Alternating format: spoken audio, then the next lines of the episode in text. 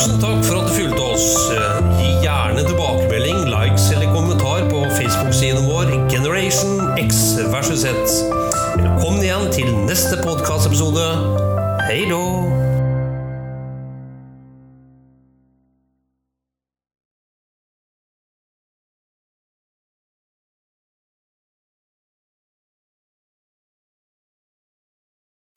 Generation X versus Z. Sandberg Productions presenterer Den ekte samtalen om og med generasjon X og Z. Hold deg fast og nyt.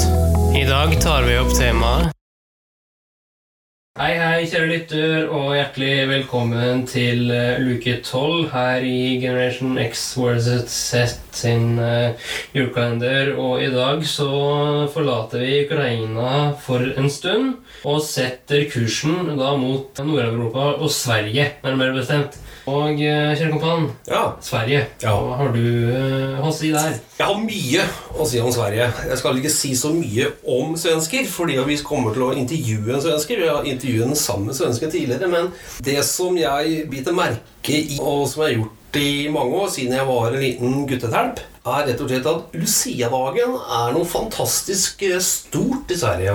Og så lurer jeg fælt på hva er det? Jeg vet jo sånn noenlunde. Men hva kommer det av egentlig at Lucia er så stort i Sverige? Og ikke minst kommer det fra, egentlig? Eh, ja, og det siste der, det får vi jo høre litt i dag. Ja. Eh, hvor det kommer fra, og ikke minst hvordan det ble til. Ja. Eh, vil jeg jo si. Men eh, skal vi bare kjøre intervjuet, da, eller? Vi kjører Lucia-dagen-intervjuet med hvem? Jo, det vil jeg han selv skal si, eh, og gjøre rede for. Vi kjører på, kjære sønn. Vi hører på. Yes. Hvem er du?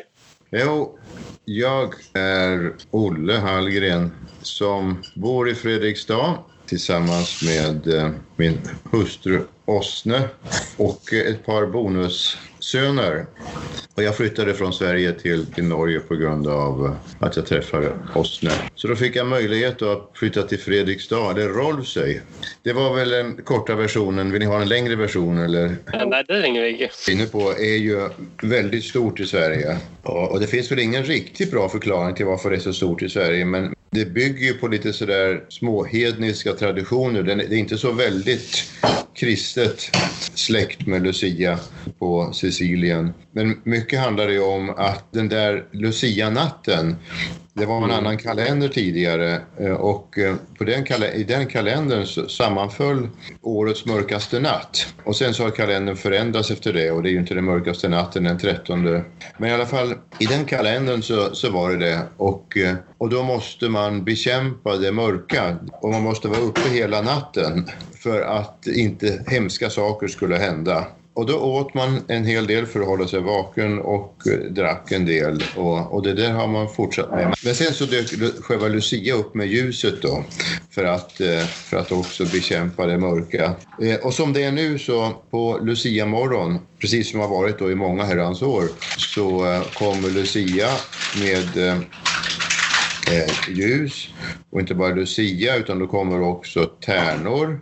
Det är tjejerna det som har glitter i håret och ett, eh, ett stearinljus. Ja, Henrik, ble noe klokere av bakgrunnen for Lucia-feiringen i Sverige? Ja, jeg lærte faktisk en del eh, om ikke nødvendigvis Lucia-feiringen i Sverige, men hvorfor man feirer Lucia generelt. Ja, jeg ble faktisk litt overraska sjøl. Men det er altså en, en feiring fra det mørke til, til det lyse. Nei, det er jo en feiring for å drive det mørke vekk og få inn det lyse, ikke sant? For Ja. det var årets mørkeste natt Ja. uh, før i tiden, da. Ja. Uh, og da ville man jo automatisk drive vekk onde ånder, få inn det lyse, ikke sant? Ja.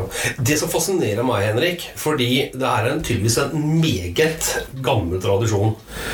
Og det å hevde en tradisjon og la den gå eh, i generasjoner til generasjoner til generasjoner, Det syns jeg er en kjempeverdi, altså. Hva syns du? Ja, du, det, det har vi snakka om også tidligere med tidligere gjester. Eh, og ja, jeg er helt enig at det er en eh, Det har en stor symbolsk betydning. Ja. ja nå bare gleder jeg meg til i morgen, Henrik, fordi da kommer Ole til å fortelle atskillig mer om hvordan de rett og slett feirer. Oi, her kommer det noen sånne små, ikke bomber, men små artigheter. Ja, litt sånn morsomheter, da. Ja. Det gjør du. Ja. Eh, så bare heng på til i morgen, og så da høres vi igjen. Tusen takk for nå, kjære sønn. Jo, bare hyggelig. Ja, som alltid. Som alltid. Som alltid. Ha det godt. Ha det godt, da.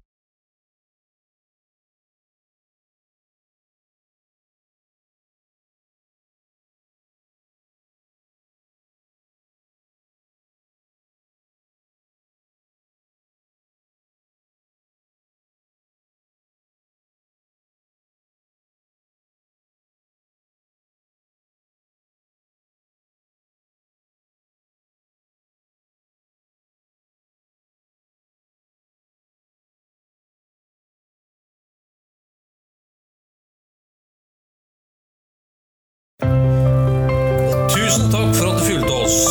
Gi gjerne tilbakemelding, likes eller kommentar på Facebook-siden vår Generation X versus Z. Velkommen igjen til neste podkastepisode. Hei då!